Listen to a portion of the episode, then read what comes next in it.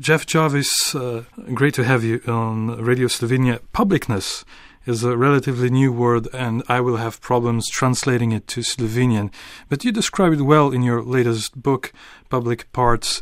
Uh, you have a very strong stand on the issue as well. More than a threat, publicness is an opportunity. How do you explain that?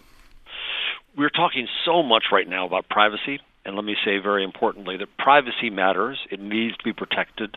But I think we're paying so much attention to privacy that we might lose sight of the benefits that the internet as a tool of publicness gives us all. You know, there are a lot of tools of publicness, like a printing press, uh, certainly allowed people to create publics and to gather around ideas. Well, now the internet enables anyone to do that, everyone to do that. And I want to make sure that we protect that power we have to gather together. And part of what I wanted to do then was demonstrate the value of being public. Uh, we talk so much about the fear of privacy being violated, but there's also a value of being public because it enables you to connect to other people, to find out information, to run companies and governments better, and much more. I see. And you did a lot of research in Germany, a country culturally similar to Slovenia in many aspects. Where is the attitude toward private and public different when you compare Europe and United States? And what are the paradoxes of both approaches? Um, they're different and not different. Everyone is concerned about privacy. There's just uh, different ways it comes out and a different um, uh, forcefulness of, of passion. Germany is very passionate about privacy, and some, of course, would say that it's their political history, but I have German in laws, and I know that they're very private. So you look at what's happening in Germany with, for example, Google Street View, where the German government, an official of the German government, urged people to uh, exercise what they call their Verpixelungsrecht, their right to be pixelated and 244,000 Germans uh, petitioned Google to have their buildings blurred. And in a sense, that's a little bit funny, but I also am concerned about that because Google took pictures of a public view from a public street. And if you can stop Google from doing that, can you do the same to journalists or citizens? What's public is public, and it's a public good. And I think we have to protect that notion of what the public owns um, so that anyone can take advantage of that. The um, Germans have also had problems with Buzz and, and other things. So has the EU uh, and Facebook and so on. I see. The irony to me is that when I went to my first German sauna, uh, of course, shocking to an American that it is naked and mixed.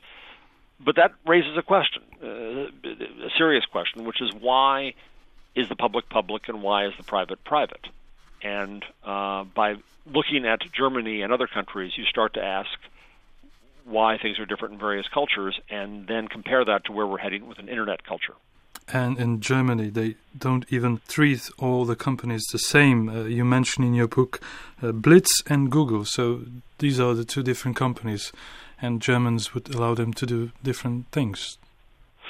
Well, I think there's also a question, and I'm not saying that I necessarily believe this, but there's a question as to whether or not there's a bit of uh, I'm hesitate to say anti-Americanism because that sounds so strong, but whether there's some resentment of large American companies.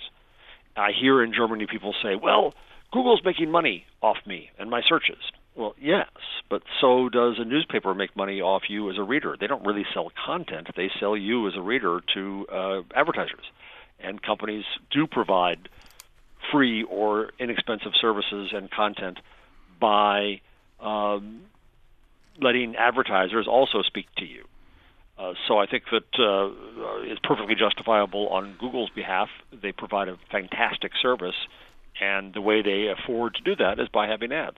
I understand. In, in, in history, there has always been resistance towards new technologies that make private space ever more public. So the German fight against Google Street View is perhaps not even the most bizarre fight in the history.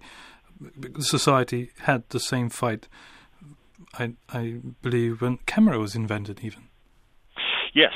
Uh, the first serious discussion of a legal right to privacy in the United States did not come until the year 1890. And um, that was uh, when the Kodak camera, the portable Kodak camera, was invented. And so uh, people were fearful of that. The New York Times at the time talked about uh, Kodakers lying in wait. President Teddy Roosevelt banned Kodaking from public parks. Um, you know what was really happening was we were simply getting used to a new technology. We were understanding how to manage our norms around that and figure that out. Mm-hmm. And uh, Jeff Jarvis, you were also very open about your prostate cancer, something most of the people would keep a secret. Stephen Jobs, for example. And we hear very often that health information is the most private information and you don't want to share that with others. What's the gain then? We only see the risk. The gain is manyfold. I uh, talked about my prostate cancer, and I got friends who came to me who'd had the operation and gave me advice. I never would have known they'd had the operation. They wouldn't have known that I was going to have it had I not been public. Uh, so I got advice and support from a lot of people. I also hope that we inspired other people to get tested for prostate cancer, and um, I think that's a benefit. You know, if you look at health information, it may be the most private information we have, but we need to ask why that is. Uh, in the U.S., you may get excluded from having health insurance, which is our backward system. Uh, an employer might not hire you, but is that right? Should we, if we don't, if we don't uh, discriminate based on age or race or religion, should we also not discriminate based on illness? And and the real reason we don't talk about it a lot is because of social stigma, because we're ashamed. But why should you be ashamed of being sick? In most cases, unless you smoke, it's nothing you did to yourself we have to examine not just the notion of privacy in health, but we also have to examine what good could come if we were more open about our health, all of us. I understand. So you believe that this the sphere of publicness will increase in time and is increasing. I, I think it'll adjust. Uh, when I interviewed Eric Schmidt of Google, you know, he said there was a time back in history when mothers and children walking across a path didn't have to hold hands because the only other thing on the path was other people walking. Then along came, you know, chariots and horse-drawn carriages, and finally um, cars, and then you had to hold hands. It's a simple illustration of how our norms and behaviors change.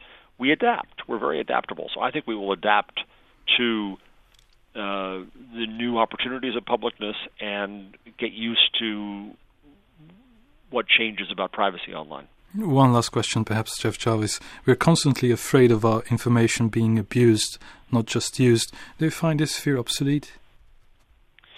Um, no, not at all. Uh, tools can be used for good and bad, and we have to worry about how they are used because that way that's the only way we can guard against their misuse.